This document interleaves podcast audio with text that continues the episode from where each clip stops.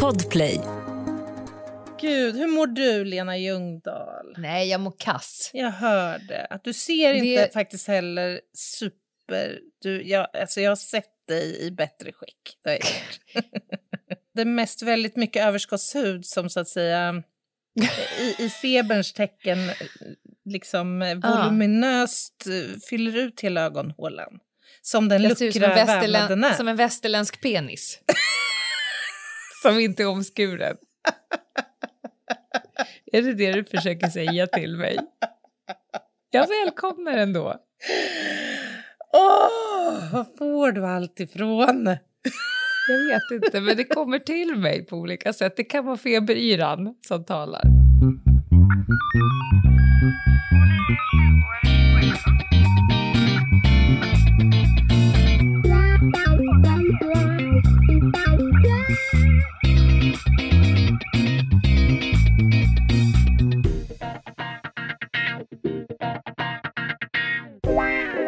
Välkomna till krimpoddarnas krimpodd Över min döda kropp med mig, Anna Jinghede och eh, penisen Lena Ljungdahl.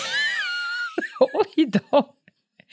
Jag tänkte precis säga knäckehäxan, för jag känner att jag låter lite som hon den här... Förlåt, det där, Tjena grabbar! Det där får Tjena vi- grabbar! det där får vi ta om. Varför det? Nej, jag är nöjd.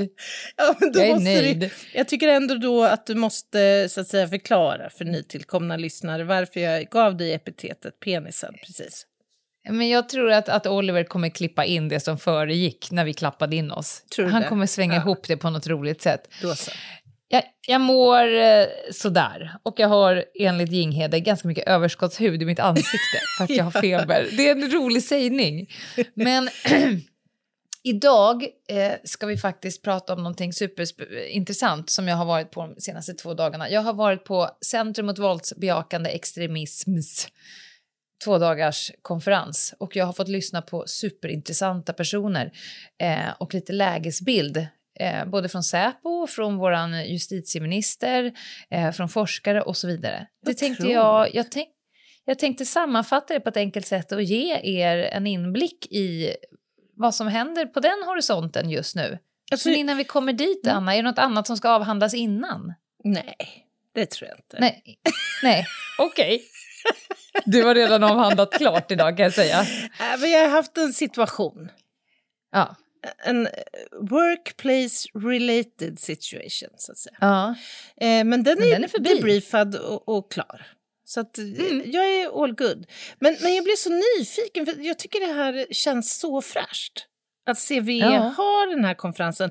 Är den öppen liksom för alla och en var eller är det här, sker det här så att säga i det fördolda? En lyckta dörrar. Nej, den är öppen. Eh, den är ju såklart riktad mot yrkesverksamma, men det var ganska brett. Det var liksom eh, folk från civilsamhället på olika sätt, organisationer, kommuner, väldigt mycket människor som... Vi körde ju Menti och då klickade man i första dagen var man kommer ifrån, om det var eh, kommunalt, statligt Mhm. eller, eller Mm. annat. Och, och det var väldigt mycket kommunalt och statligt, men också eh, annat. Eh, Men jag skulle säga att alla som var där har någon form av samhällsengagemang och en verksamhet som riktar sig till då, eftersom vi pratar om våldsbejakande extremism. Eh, Men den är öppen och den vart ju fullbokad på 24 timmar. Det är ungefär som våra eh, biljetter till våra krimquiz. Det är de två biljettsläppen. Ja. Men man kunde eh, till stora delar i alla fall haka på digitalt i år. Mhm. Jag var ju med... Förra året så körde vi också och då var ju jag, hade jag ju ett, liksom, en programpunkt där när vi pratade om, om, om skolattacker. Mm. Eh, men eftersom jag är då en av CVEs rådgivare så, så var det väldigt eh, bra för mig att få träffa alla och, och lyssna på vad händer där ute i de olika gråa offentliga byggnaderna i Sverige kopplat till den här frågan. Ah. Och någonstans i det så messade jag dig och sa så här, det här är inte bara intressant för oss som sitter i rummet, det här är intressant för alla. Låt oss göra en liten Verkligen. recap på konferensen på en timme. Jag tycker det är lite problematiskt det här att det inte finns en app eller motsvarande som har koll på intressanta konferenser. Häromdagen så fick jag se, eh, Marcus Mhm. Antonsson är ju en för oss eh, känd vän och kollega Mm. som är superinvolverad i Igor-projektet. Han är en sån Mm. förbannad eldsjäl vad gäller eh, mäns våld mot kvinnor och han har så mycket kloka idéer och sånt driv och sån kunskap som man bara älskar karln. Han la ut eh, här för någon vecka sedan att han skulle prata i Umeå här i veckan Mm, på en såg det. konferens.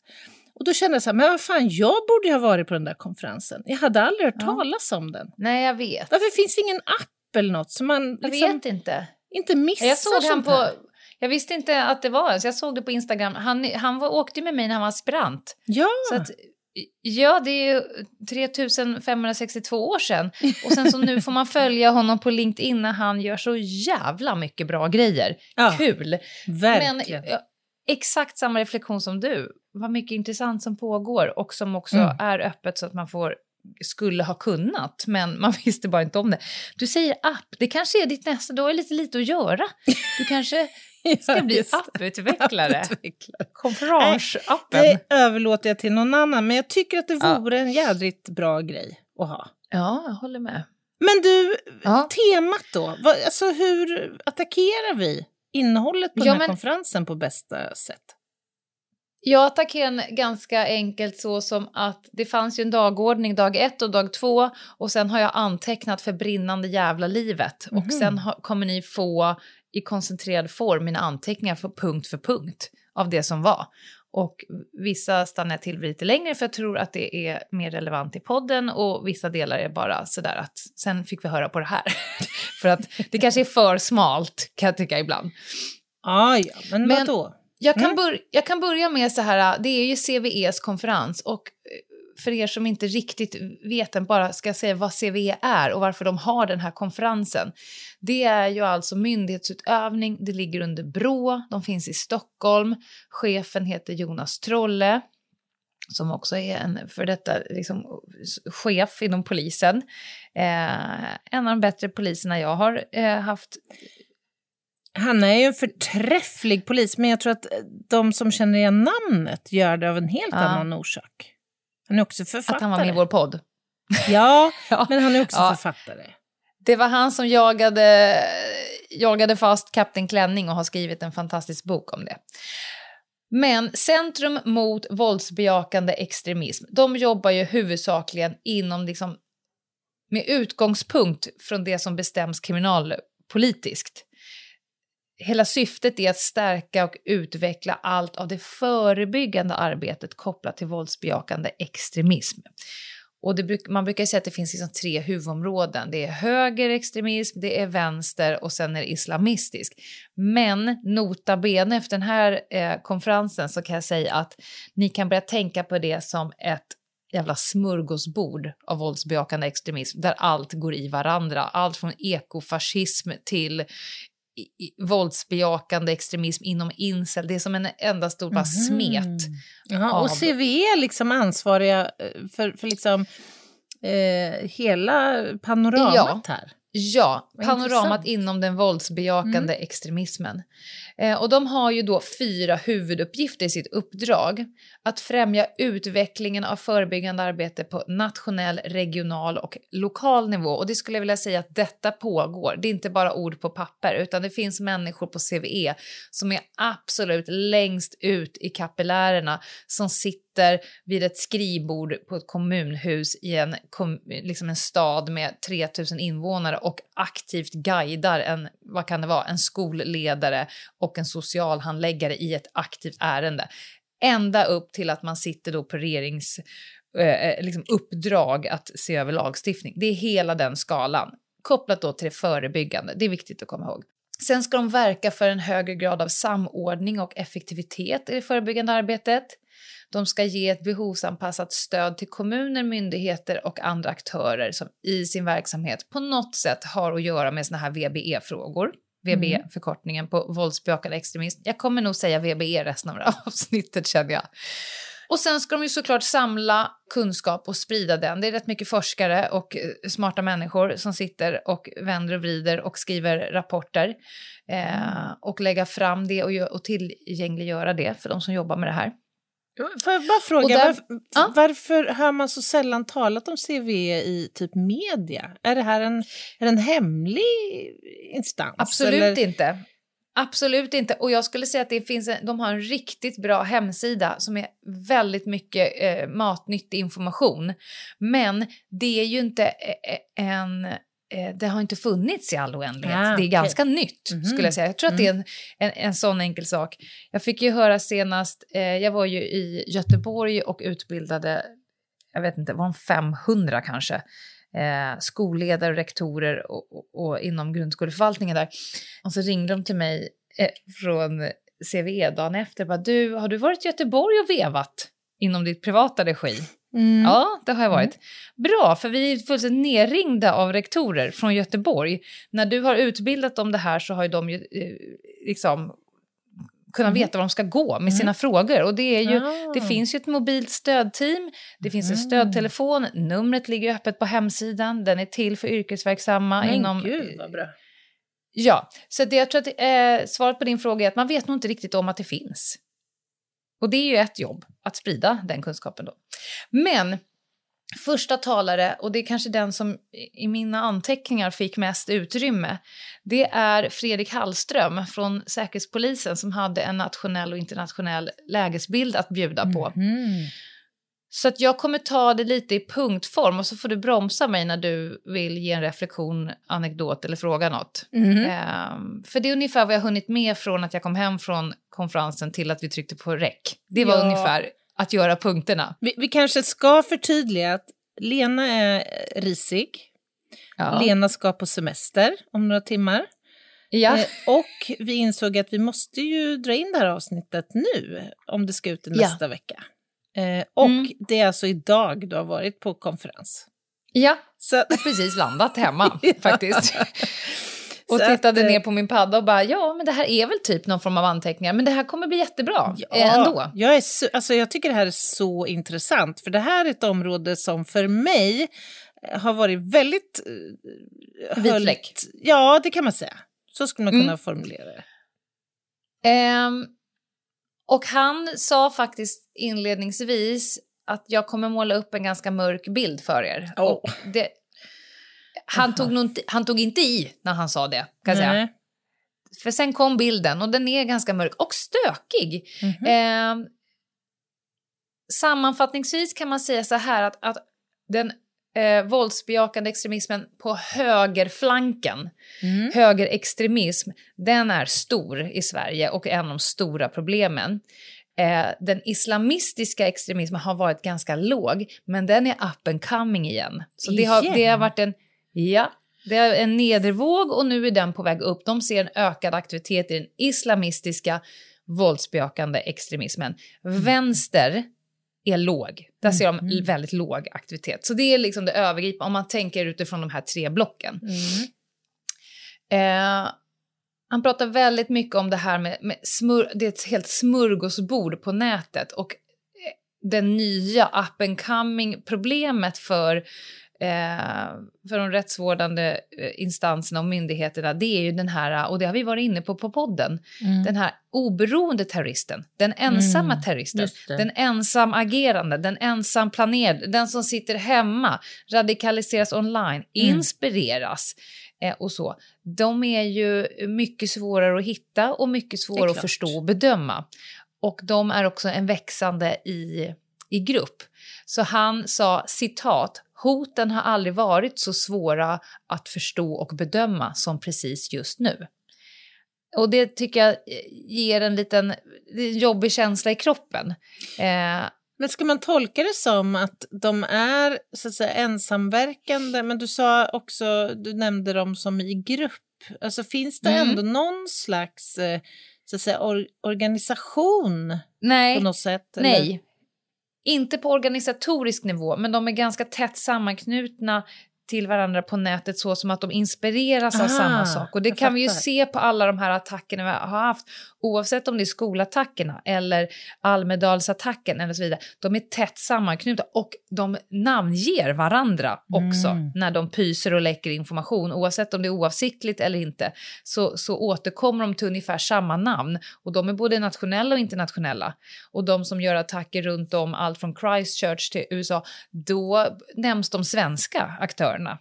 Eh, men, men det Mm. finns inte en organisation som man kan ehm, liksom lägga en karta. Ja, jag förstår.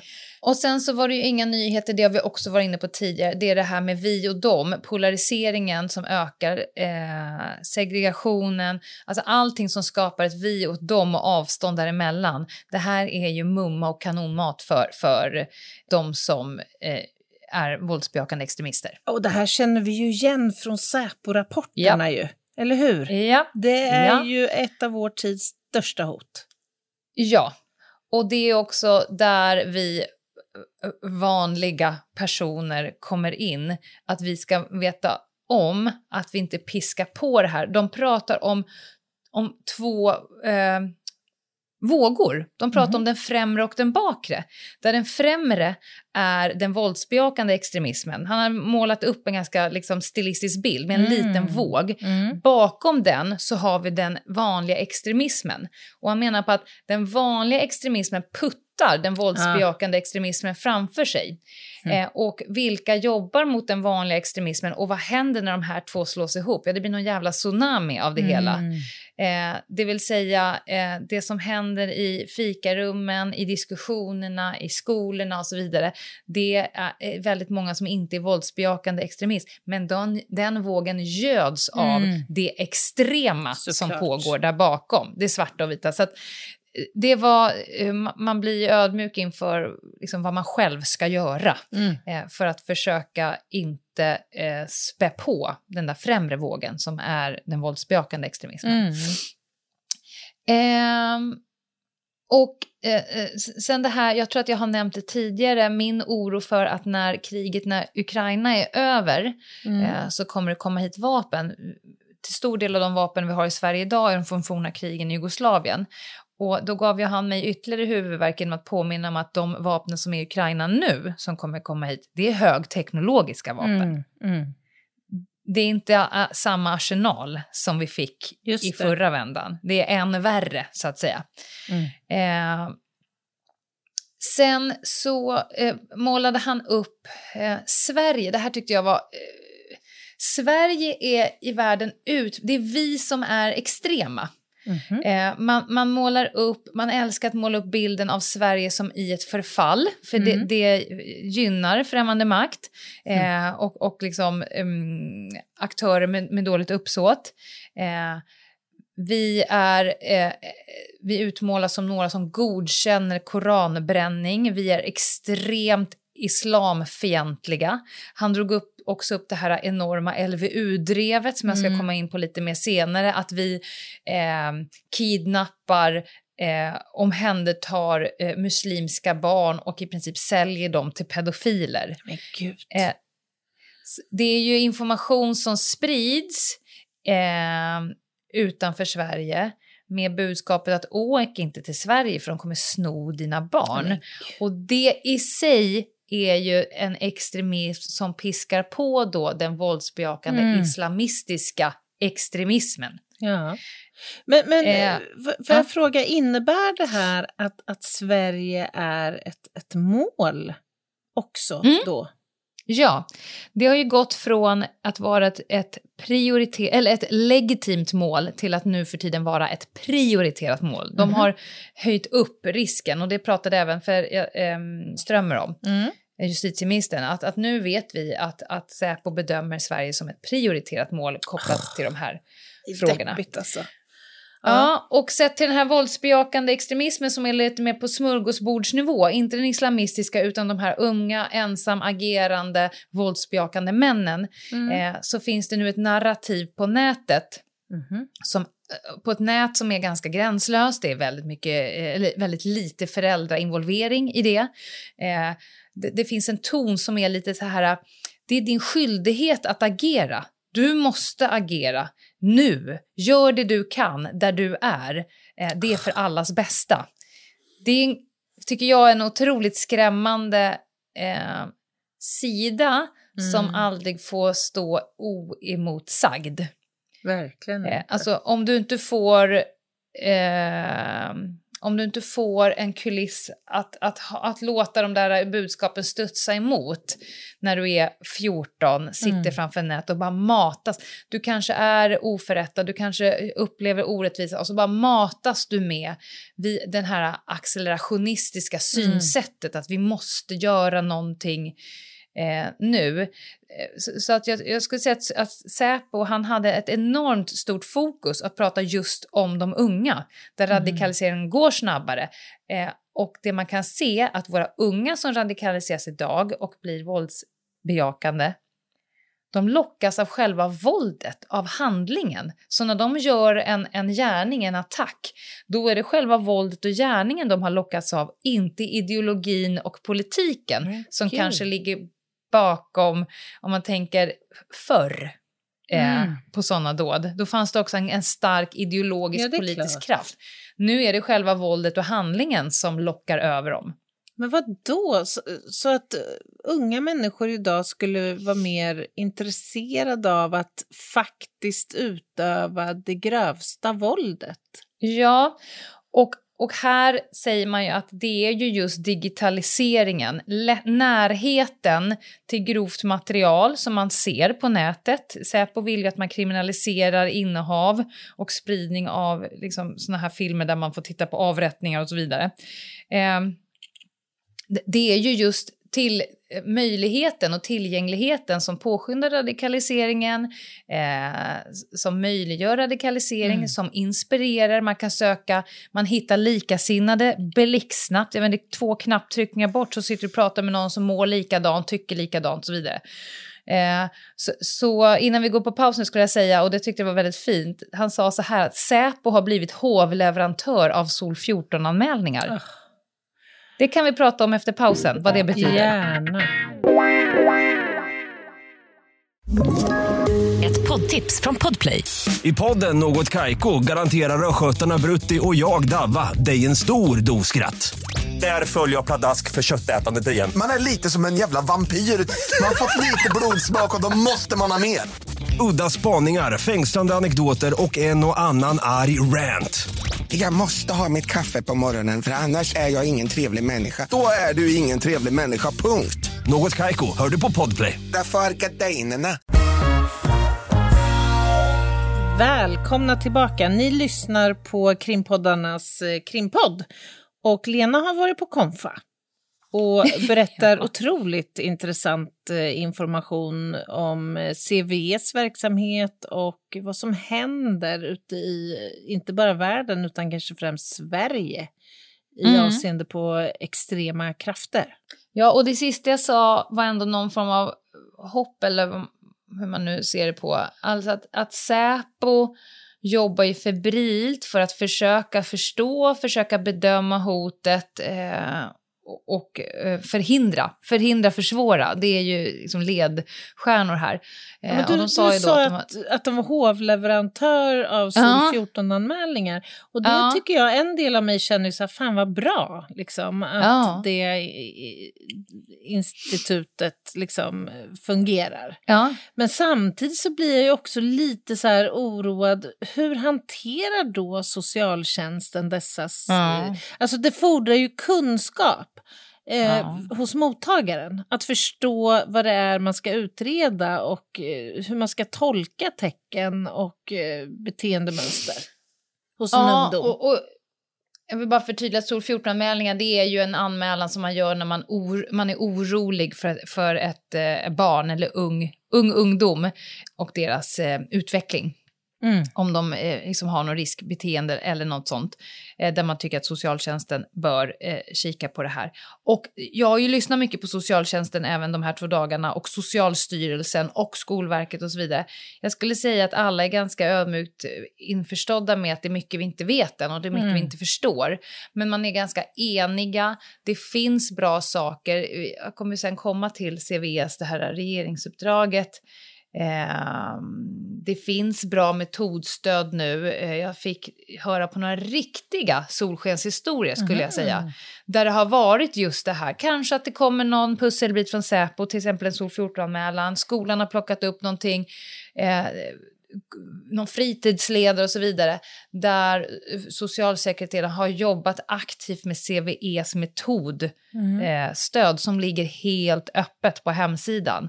Eh, vilka frågor man ska ställa och hur man ska jobba. Där det verkligen var skolboksexempel, det har gått jättebra. Men, men eh, om några år så kommer vi nog ha ännu mer kunskap och landat ännu mer i vem gör vad, för att det är ett jävla mischmasch i mm. rollfördelning, mm, skulle jag, jag säga fortfarande.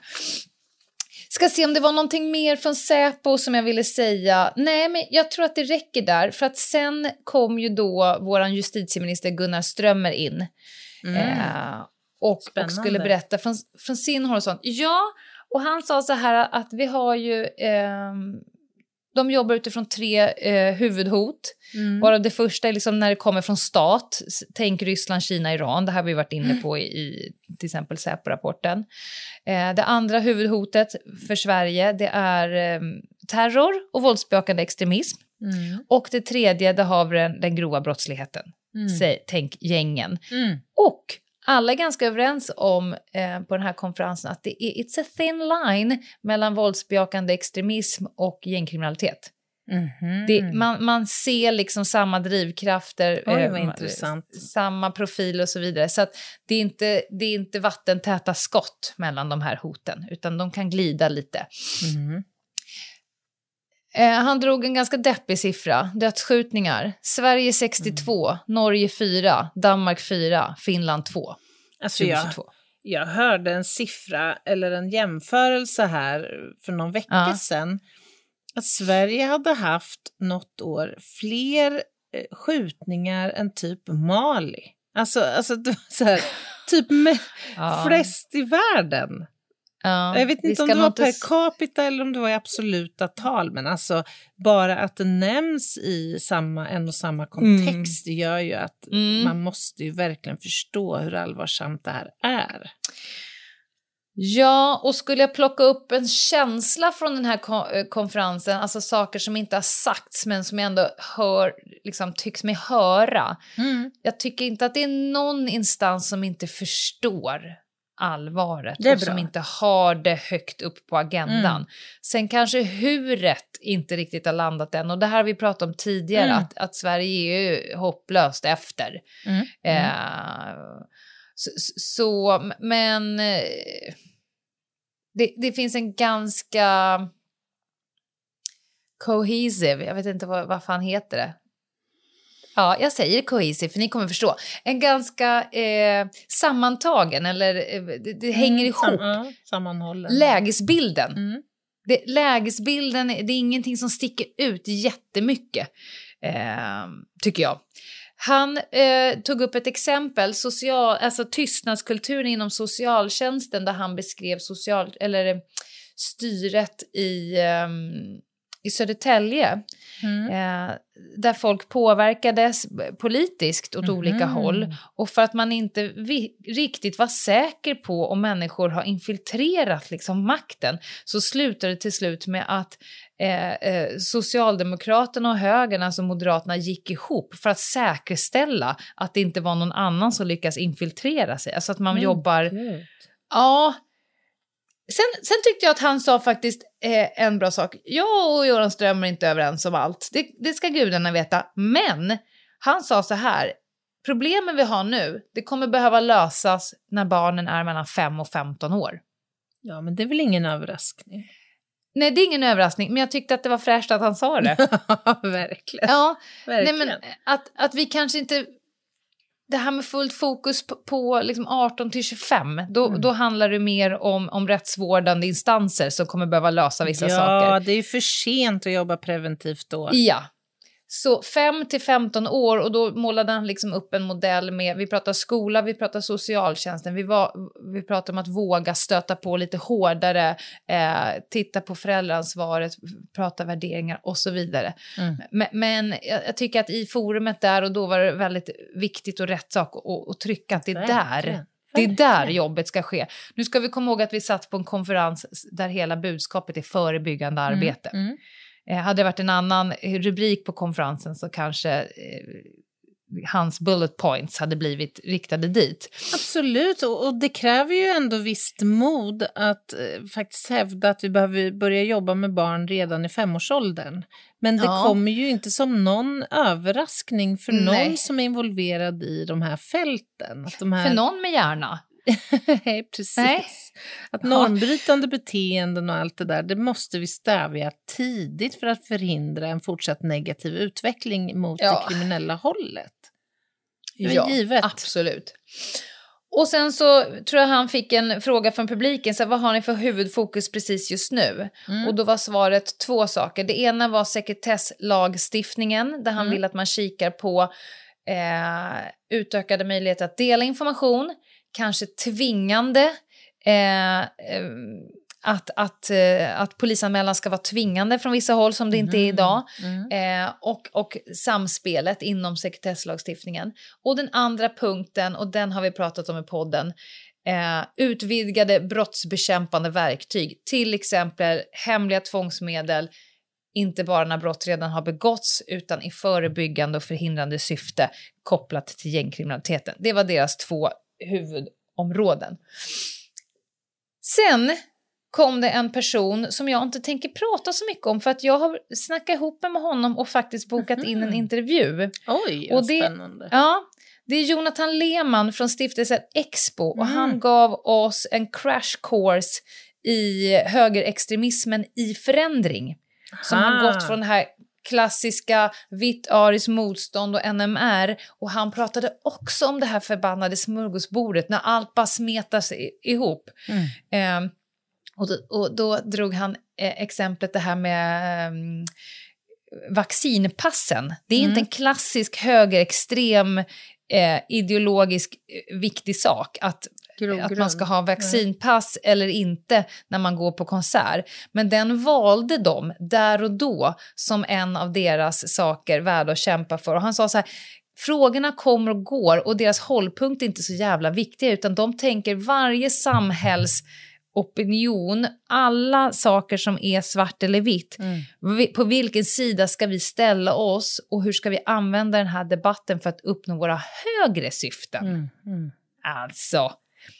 Och sen så, bara säger det, han hade en slide som handlade om MMA-världen, Mm. hjärta högerextremism. Okej. Någonstans här klampade jag fram till hans bord och sa Jonathan, du ska vara med i en podd. Ja, sa han, vad kul. Men vadå, mixed martial arts eller står det Ja. för något annat? Ja, nej, inte- ja. nej, det är precis det det står för. Och han pekade ut liksom vissa gym i Sverige som är hubbar för att, för att understödja och göda högerextremism. Nej, men.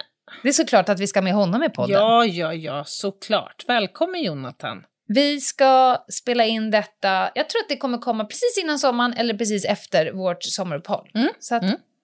håll i bara. Sen så kom ju då den här LVU-kampanjen och då var det ju Magnus Ranstorp, han behöver nog ingen närmare beskrivning tror jag. Eh, han kommer ju från Försvarshögskolan.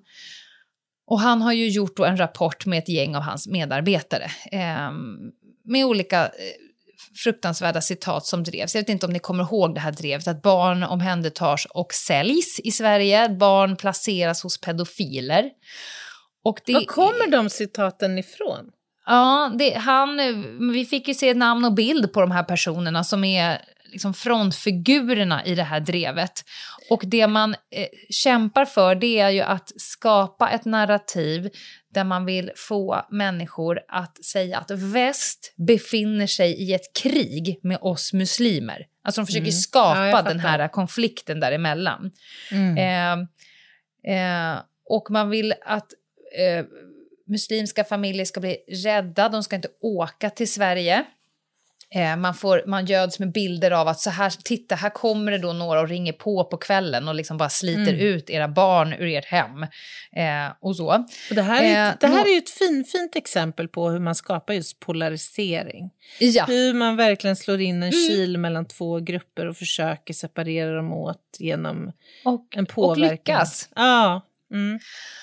Och några saker som han var noga med att säga, eh, det var att det här kommer och redan nu återupplivas detta. Så fort vi har eskalerade eh, debatter kring koranbränningarna, då drar de igång det här igen. Mm. För då har de ju ny, så att säga, eh, ny näring till den typen av, av kontext.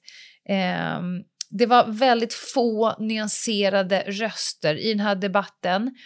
Eh, och noga, nota bene, han kunde inte hitta några svenska muslimska ledare. Alltså muslimska Mhm. ledare i Sverige har överhuvudtaget inte piskat på det här. Mhm. Utan de har varit helt tysta. Utan det här är ett inter, det är alltså eh, internationella... Vad bra ändå. Ja, det, det var skönt att höra. Eh, Verkligen. Och här skickar han en passning till Socialstyrelsen och socialtjänsten, alltså att våra muslimska familjer i Sverige måste få information. Mm. Därför att om du inte vet och du bara eh, tittar på de nyheterna, läser det, göds av det här, Mm. eh, när du inte, eh, och det är dina sociala medier och så vidare.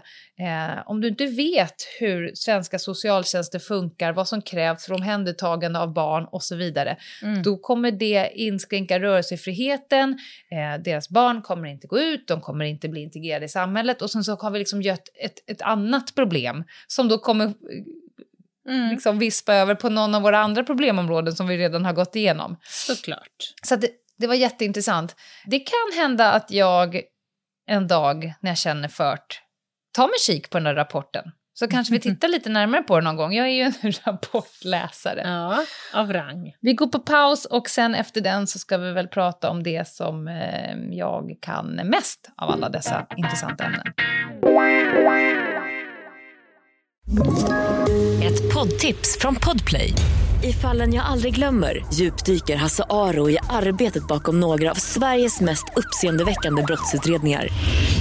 Går vi in med hemlig telefonavlyssning och, och då upplever vi att vi får en total förändring av hans beteende. Vad är det som händer nu? Vem är det som läcker? Och så säger han att jag är kriminell, jag har varit kriminell i hela mitt liv men att mörda ett barn, där går min gräns. Nya säsongen av Fallen jag aldrig glömmer på Podplay. Ja, men välkomna tillbaka efter pausen. Lyssna ju då på krimpoddarnas krimpodd.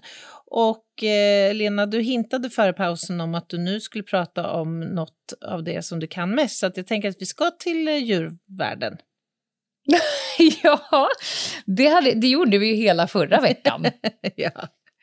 Ja, nej men eh, vi, självklart så var en stor del av den här konferensen eh, också kopplat till eh, skolattackerna. Mm, För att- såklart.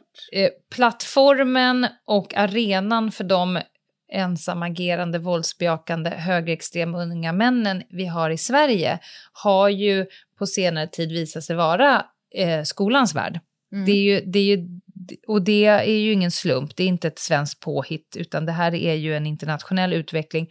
Eh, och, och skolattacker som SIG, Mm. inte heller något nytt. Eh, 1907, första skolattacken som man Oj. kan hitta, USA. Och i Sverige hade man den första på 60-talet. Eh, bara för Wow. att sätta det i kontext, att det inte är så att man har kommit på eh, det här med att gå in i en skolbyggnad och skada och döda elever Mm. och lärare eh, nu. Eh, CVE hanterar ehm, ungefär ett ärende i veckan. Jag skulle Mm. säga att det ökar och det ökar kanske inte för att fenomenet ökar utan det ökar eh, största delen, tror jag, att informationen om att CVE existerar och att det finns ett mobilt stödteam som operativt hjälper till vid risk för attentat Mhm. i skolan. Alltså förebyggande då? Ja, Mm. exakt. Det finns ett mobilt stödteam med många härliga eh, kollegor eh, till mig. Ehm, och det är öppet tror jag, mellan 9 och 15 varje vardag. Numret står på Mhm. hemsidan. Där kan man som eh, verksamhet eh, ringa och säga, eh, alltså diskutera ett, ett, ett faktiskt ärende. Vi har en person som gör det här, surfar på det här, har uppgivit det här, har läckt ut den här informationen. Vad gör vi nu? Mm. Och då kliver mobila stödteamet in och hjälper till både med att bygga upp en lokal samverkansstruktur, med att säga de här frågorna måste ni ställa, det här måste ni göra nu, tänk på det här med polisen, socialtjänsten och drar igång det där. Och det ökar och jag tror att det både kan ha att göra med att vi har en ökad kunskap om radikalisering, att elevhälsor runt om i världen har det på dagordningen, Mm. att kika på det här. Det kan också vara att det de facto ökar. Men då är ju alltså Jonas Trolle, som då är chef för CVE, men han är också regeringens särskilda utredare Mm. inom eh, en sak. Och då ska jag berätta om vad som ingår i hans uppdrag. Eh, och det fick han från förra regeringen och med den nya regeringen så har han fått ett tilläggsdirektiv. Så att uppdraget har egentligen bara utökat. Vilket? Ja. Och det ska eh, rapporteras, jag tror att det är någon delrapport i augusti och slutrapport i februari. Så att det, vi pratar ju liksom i nutid. Mm. Och då ska jag ge dig vilka punkter det som man kikar på och som nu Ja, utreds. Spännande. otroligt intressanta diskussioner på de här eh, ämnena.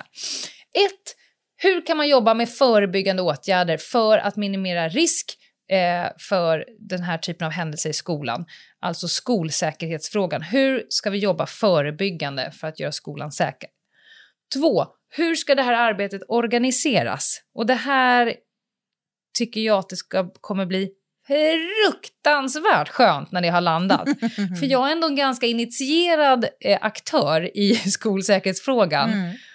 Och det är ändå för mig jävligt surrigt. Diffust. Om Ja. Vem äger denna fråga nu Mm. och vem har gjort vad? Och det finns så mycket rektorer där ute i, i Sverige som inte gör någonting för att de väntar på en nationell riktlinje Rikt- ja. och en rak hand. Och den kommer aldrig komma på den nivån som ni önskar. Därför att det här problemet är så jävla komplext. Men just nu är det fruktansvärt diffust. Men alltså det här, det här är ju otroligt lovvärt. Alltså med en Ja. offentlig utredning som verkligen genomlyser frågan. Mm. Det kunskapsunderlag som finns, den forskning som finns, de erfarenheter som finns och så vidare. Och sammanställer detta i eh, rekommendationer förhoppningsvis om hur detta ska fortsättningsvis hanteras eh, nationellt. Ja.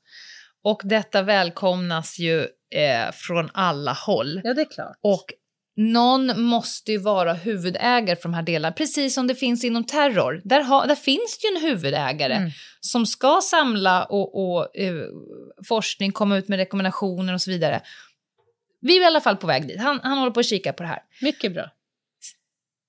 Sen så slänger jag in den här punkten, man ska kika på om man ska få kroppsvisitera barn i skolan. I skolan också? Mm. Jag Alltså, kan säga så här, när han drog den, får jag bara ge en liten Mm, anekdot. mm. Jag sitter ju alltså inne i en jättestor konferenslokal inne i Mm. stan. Eh, och, och, och Jonas är ju en fantastisk person som ger en, en, en så skön stämning. Mm. Eh, man, om man har liksom somnat in lite grann, kanske på någon talare, så när Jonas börjar prata så är det liksom upp snärtigt. ja, då- men då- alltså, då man sitter man långt fram på stolen. Mm. Ja, och då så gick han då igenom de här uh, punkterna. Jag, letar febrilt i mina anteckningar samtidigt. Eh, och, och då när han sa så här, ja, och sen har vi det här med organisering, vem som ska äga frågan, och sen är det det här med att kroppsvisitera barn i skolan. Då bara, Ja. alltså det gick som ett sånt här, vad sa han? Sa det? Hörde Ja. du rätt? Hörde du samma Ja. sak? Och han bara lät den passera och sen återkom han till den senare. Ja, och sen så vissa av dem är ju ganska invasiva. Nu betyder det ju inte att varje punkt kommer att bli, men han och har då vissa uppdraget att- metoder för att kroppsvisitera? Ja, men all, vissa, Mm. nej, nej, utan Nej. vissa av alla de hans punkterna på Jaha, hans uppdragslista. aha. Allt kommer inte bli så, men han har fått på sitt bord att utreda, Mm. är det en väg att gå? Jag förstår. Eh, och en av de då direktiven eh, som han har fått är att det ska utredas om man ska få kroppsvisitera barn i skolmiljö. Vi får se vad de kommer fram till. Alltså jag måste ju spontant säga, jag är väl en av Sveriges största förespråkare vad gäller att värna barns integritet och allt det där.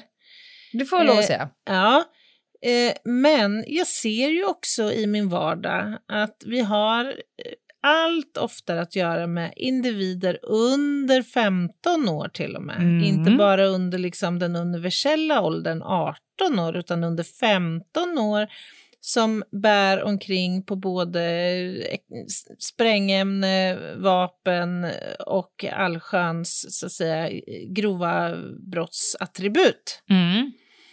Så ja, jag är beredd att... eh, Alltså jag ser positivt på möjligheterna att i vissa fall få göra detta. Mm. Det måste jag säga. Ja, men jag tror att man ska akta sig för sig, den här första känslan, nej. Och sen börjar man tänka så här, varför skulle vi behöva göra det? På vilket sätt? Det kommer inte bli helt fritt. Det kommer inte vara så Nej. att alla ungarna muddras. Liksom. Och syf- Utan, men Ja, syftet är, är det gott. någon som ska ut...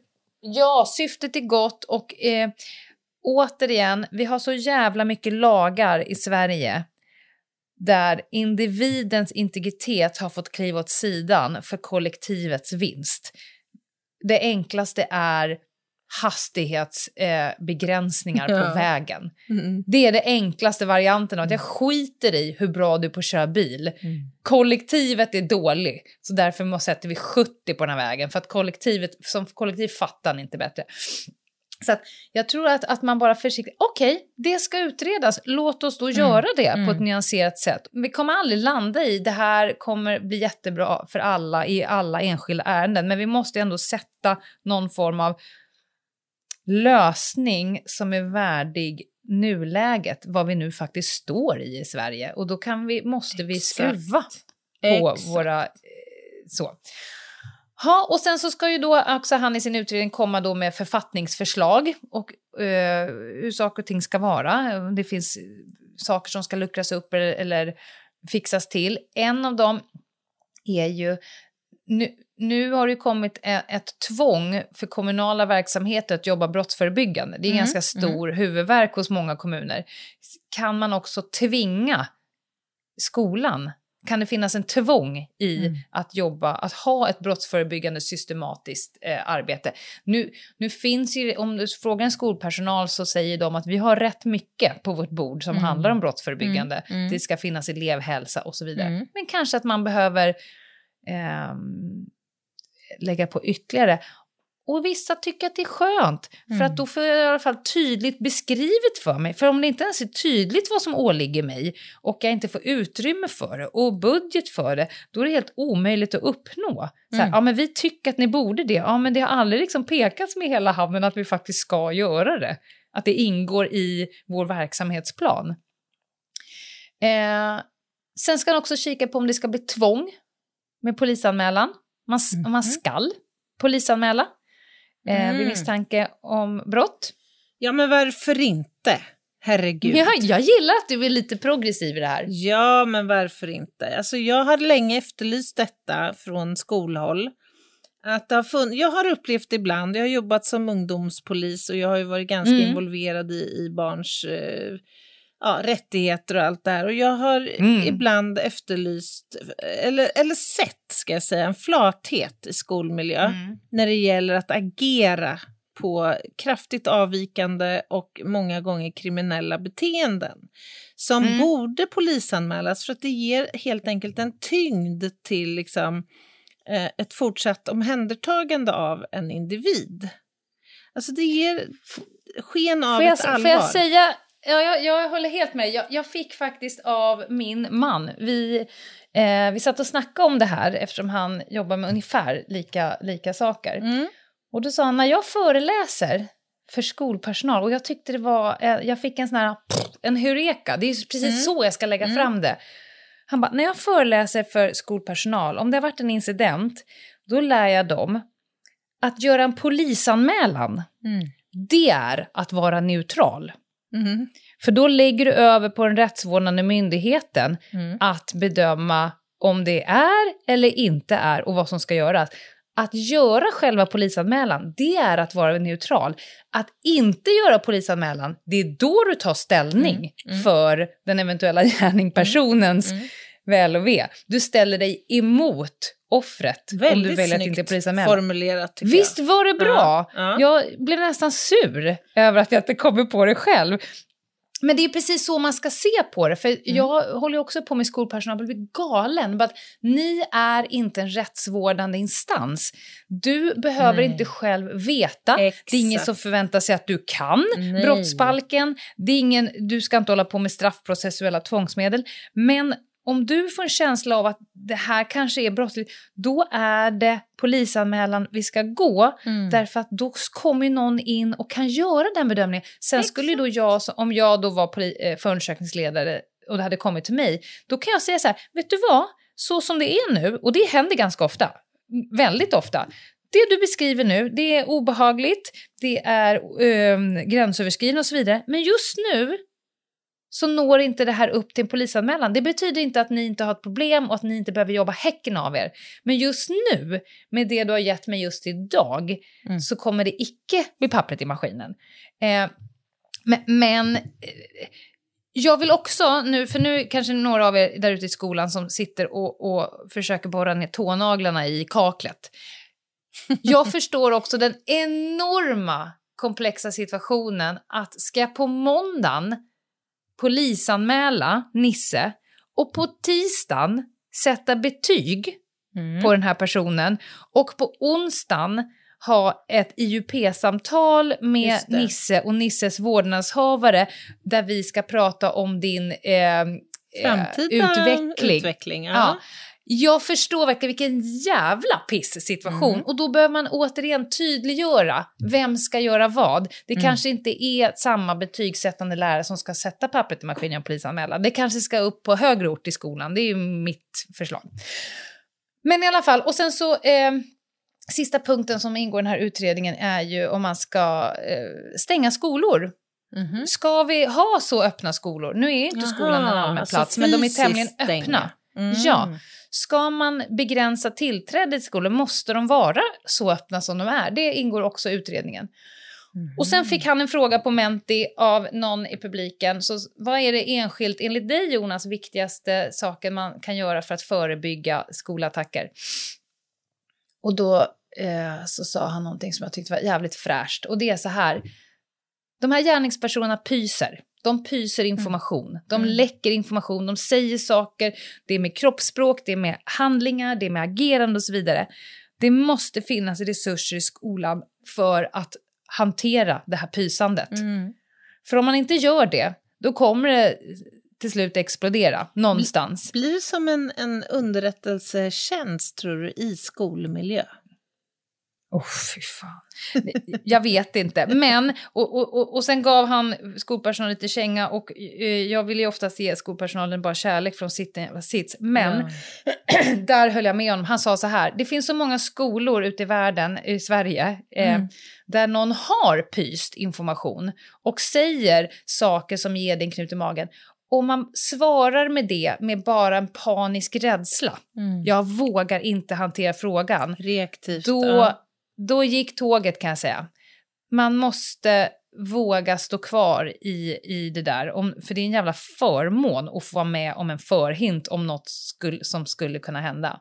Så resurs att hantera pysandet och mer resurs vill säkert skolan ha. Ja, det var väl det. Eh, som du märkte så, så fick jag ju väldigt många små tankebubblor som vi kan dra vidare i podden Verkligen. framöver. Åt olika håll. Vi får möjlighet att återkomma med fler ämnen.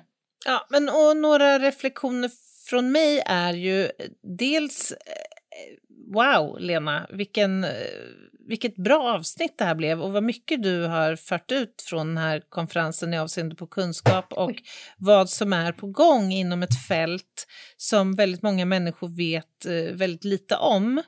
Men också två, vad glad jag är att höra att det faktiskt arrangeras sådana här konferenser där den samlade Mm. kunskapen faktiskt får också en arena att nå ut. Det är otroligt viktigt. Och det pågår ju Mm. uppenbarligen väldigt, väldigt mycket som man inte har en aning om. Vilket känns bra ju. Ja, men ja, och, och återigen, vad som behöver göras tror jag är klart för alla, men nu är det hur. Men i den här kontexten kommer ingenting passera dig, Anna, för här har jag fan örat mot rälsen. Det här kommer ingenting passera någon av våra poddlyssnare. Det har jag aldrig heller befarat kan jag säga. Nej, Jag bra. känner mig helt trygg.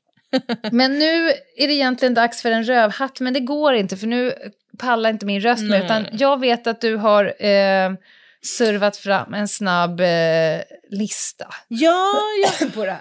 precis. Innan jag drar den så kan jag bara säga så här att ni har kanske tankar och synpunkter på det här avsnittet och de går bra att lufta antingen på Instagram på Ljungdahl och Ginghede eller på våran mejl eh, som lyder hej at ljungdahl och ginghede.se.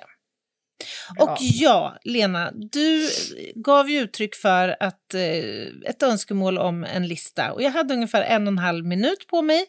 Och jag konstruerade listan i mitt huvud på väg från min bostad till studion. Och jag visste ju vad vi Jag skulle... förväntar mig storverk. Ja, det kan jag tro. ja, den kommer här i alla fall. Annas jätte, jätteviktiga lista. Jag tänkte att eh, alltså vi, vi avslutade ju det här avsnittet i skolan. Eh, och därför så tänkte jag att vi också skulle eh, låta listan involvera skolan. Jag har, jag har ju börjat Mhm. eh, allt mer att jobba temaenligt så att säga. Ja. Och då när jag gick till studion så funderade jag på eh, vad i skolan som jag har erfarit och som jag senare har upptäckt har varit helt onödigt. Alltså inslag i läroplaner och annat som inte har Ja. gett mig ett jävla skit för att tala klarspråk. Oj. Jag känner direkt att jag kanske bidrar med något. Ja, det är jag övertygad om. Jag börjar med plats nummer fem. När jag började läsa på universitetet, då fick Mm. jag eh, ett antal goda råd från andra visa män och kvinnor som hade gjort detta före mig, så att säga. Och Mm. ett råd jag fick, det var att spela in lektioner. Alltså att ta ljudupptagningar av lektioner med typ diktafon. Så det var ju då okej. ett antal eh, på kursen som satt då med diktafoner på bänken längst fram, alltså i aulan. Ja. Så även jag. Och jag tyckte det här kändes toppen. Nu har jag ju Hur många gånger har du lyssnat på dem i efterhand? aldrig... Det är det som är hela Man är ju glad om man överlever en föreläsning. Inte fan utsätter man sig för att lyssna på skiten en gång Det är så till. jävla dumt. Alltså för det första har du ju ljudupptagning som är så fruktansvärt dålig. så att du, du orkar ju själsligt inte med mer än 20 sekunder. Och sen Och ser du du sitter ju med diktafon så här 40 meter därifrån. Det måste ju bli toppen. det är så dumt. Och anteckningar, det var ingen, du fick inget tips jo, om att ta jo, jag jobbade både och. Alltså jag antecknade det också? Ja, ja, ja, ja, och så spelade jag in. Ah. Men vad var då syftet med inspelningen? Nej, men det var ju på nyfiken något sätt då. Det här var Sälja på svarta marknaden? Nej, men det var, du vill ju inte missa något. Tänk om du nu behövde gå tillbaka och fånga upp någonting i föreläsningen. Men det ska ju sägas att det är ju 20 år sedan jag började läsa på, ja det är mer, det är fan, det är ju, nej men gud, det är ju 25 år sedan. Ja, Det ska ju sägas att, att det kanske inte är lika hett idag. Idag kanske man i så fall spelar in på en mobiltelefon så att säga. Men jag undrar om, om Jag- ens det är något att Jag ha. tror inte att du behöver gå till skolan. Det där streamas ju. Du kan ju ligga Ja, hemma i badet och ja. titta på den här föreläsningen. Ja, får, men jag det- Mm. bara sticka, får jag sticka in en sak här Ja. som var så konstigt? Ja. Du ska få en moralisk, etisk fråga av mig här nu Jaha. angående att sitta på föreläsning. Jag är ju lärare på juristprogrammet på Stockholms universitet, Ja. Termin 8. Mm. Kliver in där och då är det någon form av deltagarlista som snurrar runt in i lokalen. Mm, En, en, en A4-dokument. Mm. Och så fyller de i och så lägger de fram den då. Så på rasten så tittar jag lite på den där. Och bara med en snabb överslagsräkning så ser jag så att det är jävligt mycket namn på listan. Åh, jag fattar precis nu vad du ska. Och då tittar jag upp och så tänker jag så här... "Ugh." Nej, nej, det där är inte Och sen okej. så... Tror att jag lät det passera eller? Stänger dörren, så jag bara okej, jag vill bara kolla upp här. Lisa, ja. Kalle, tyst, ingen säger någonting, noterat. och så gick jag, så sa jag så här, nu har vi ett gemensamt problem här inne. Det är åtta personer som är närvarande men som jag inte kan se. Det är noll, det är åtta osynliga personer här inne. Mm. Och gud vad de skruvar på sig. Åh, klart. det var så jobbigt för dem. Så då sa jag så här, nu är det så någon som då har skrivit upp Kalle Andersson här. han är ju uppenbarligen inte här vad jag kan Mm. se. För nu har jag ropat upp alla er. Mm, mm. Eh, så vem har skrivit upp Kalle? Mm. Då kom det upp någon liten det darrande gjorde hand det längst bak. Ja. Ja, jag hade inte...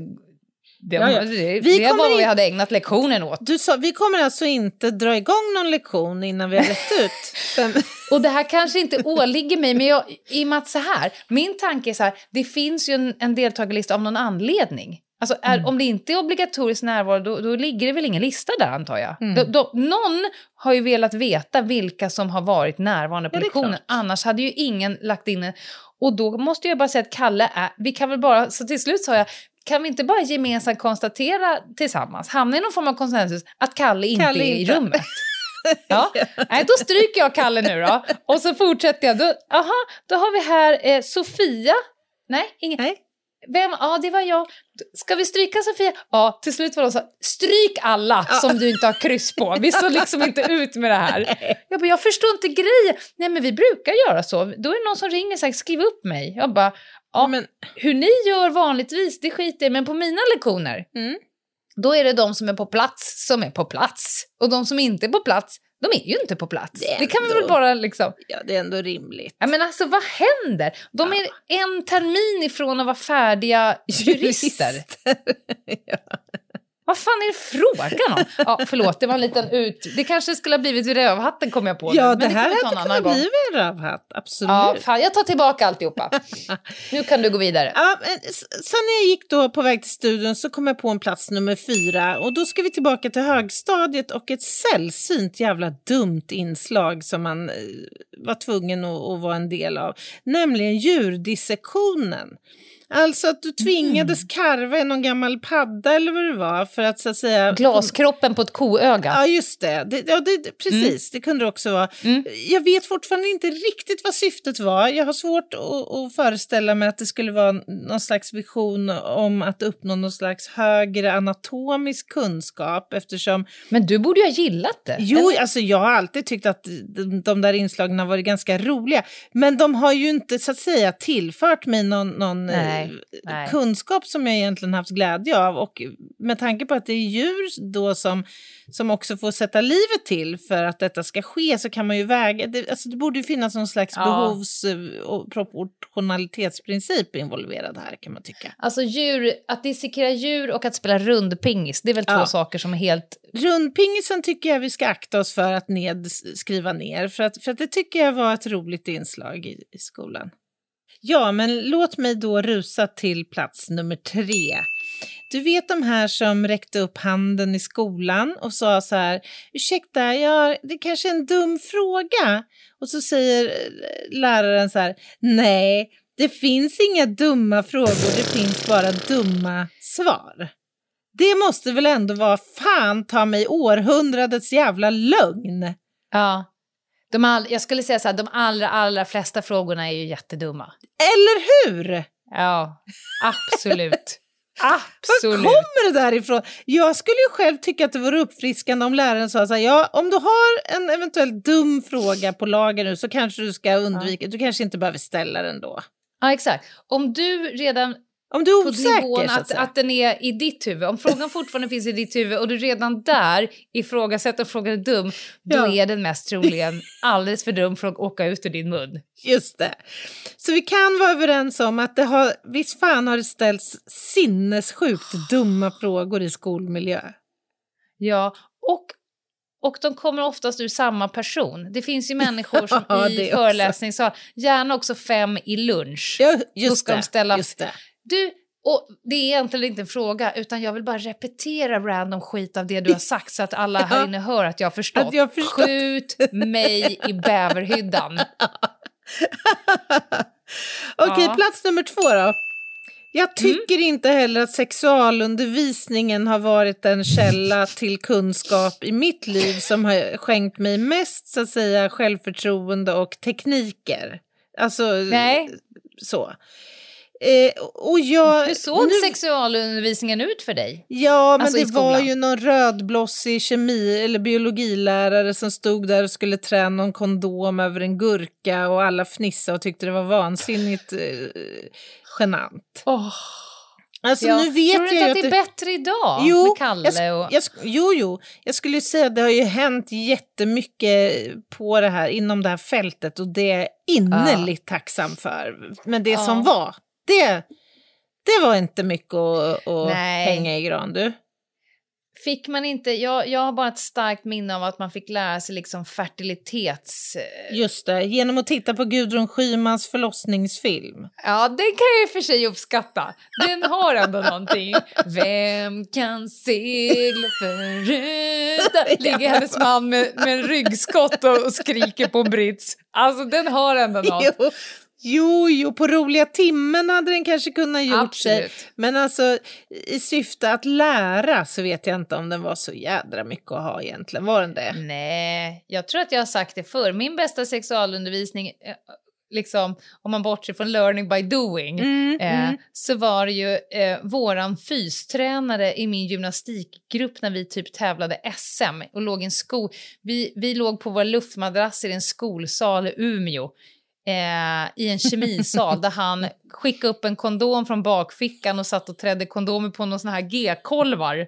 Och liksom, jag har aldrig varit så koncentrerad i hela mitt liv än precis just då. Jag var kanske, vad då, vad var man, 15 och han var 18 och ett halvt. Jag har aldrig tittat så noga, tror jag. Åh gud. Plats nummer ett då. Ja. Man har ju också träffat eh, ett gäng lärare genom åren som med pondus har velat lära Mm. ut saker. Eh, och, och det som, som då lärs ut har framstått som högst vederhäftigt. Man har övertygats om att det här är the real deal. Det här är kunskapen jag behöver och kommer registrera. Eh, Men man har lärt sig att det är inte all kunskap eller viss, eh, alla saker som lärs ut i skolmiljö som är med sanningen överensstämmande. Ju. Jag tänker då till exempel på eh, detta som vi får lära oss om vår vän Columbus. Som vi fick lära oss var ute på, på jakt efter att finna kontinenten Amerika 1400 Mm. och, och gjorde så också 89, fjor- ja. 1492. Och det har han ju hyllats för. Eh, Mm. Men det som inte framkommer det är ju framförallt att han var jävligt dålig på att navigera. För, Och för det första, ja, alltså det var ju Mm. inte en ny kontinent eller för den delen Amerika som han letade efter utan det var ju en väg mellan Europa och Indien var det va? Mm. Det var Kina-Indien tror jag.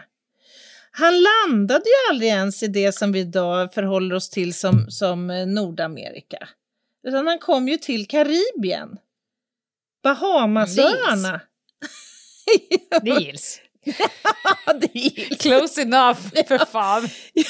Och sen tror jag att han tog, tog svängen förbi Central och Sydamerika och, och gjorde några stopp där och utforskade eh, de eh, delarna av kartan. Han gick så på att sån här uh, karneval. Ja, ja. Samba men karneval. också, det är också så att han var ju överhuvudtaget inte först till Amerika. Nej, det är ju det bästa med det hela. Ja, det var ju vikingarna. Redan Mm. på tusentalet. Så att nej, jag tycker, ni ska inte tro på allt som ni hör eh, och får till er i skolan, utan var kritiska till ert lärande och till den kunskap som delges er. Det, är- det är mitt bästa råd. Och, och vad gäller sexualundervisningen så vänder det till Google. Vänder till Google. Det var någon blandning av Kamratposten, Veckorevyn och eh, lite äldre killar som Ja. stod för... Ja. Frida.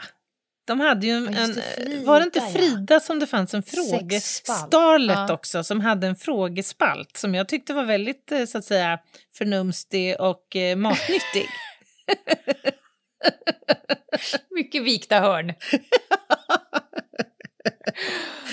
Okej. ja, äh, det, det var Rolig inte... lista, Anna. Jag är förvånad att du inte drog upp liggande stolen. Den brukar dyka upp på såna där listor. Meningslösa saker man har lärt Ja. sig och aldrig förstått. Faktum är att jag tror att vi har haft en lista på ett lite liknande tema faktiskt. Mhm. Och då tror jag att Jaha. liggande stolen eventuellt var med. Det här var så att säga spontana, ur, ur mitt eget Ja. så att säga minnesbibliotek. Mm. Så jag, fick det bli. Jag tänkte, jag tänkte precis säga att det var helt meningslöst att lära sig tronföljd och alla kungar, men så kom jag på så här, det gjorde jag ju aldrig eftersom jag var så ointresserad. Ja. Så att jag tjänade in. Å andra, lektion. sidan, å andra sidan så satt den där jävla tavlan på var mans toalett vid den här Dass. tidpunkten. Eller dass. Ja. Så att Ja, det är där Ja. jag hör hemma, höll jag på att det är säga. där den hemma. Ja, Mm. nu är det jättemycket fredag kväll. Där jag kliver i, rätt in i lönehelgsberedskapen också. Det tycker jag bara ska bli härligt. Fy, jag ska packa och åka på semester. Ja, det gör du rätt i Ljungdahl. det är så vi, olika det där. Ja, ja, vi kommer att höras Mm. nästa vecka igen och ta hand om ja. er. Ta hand om er, bye bye. Bye, bye.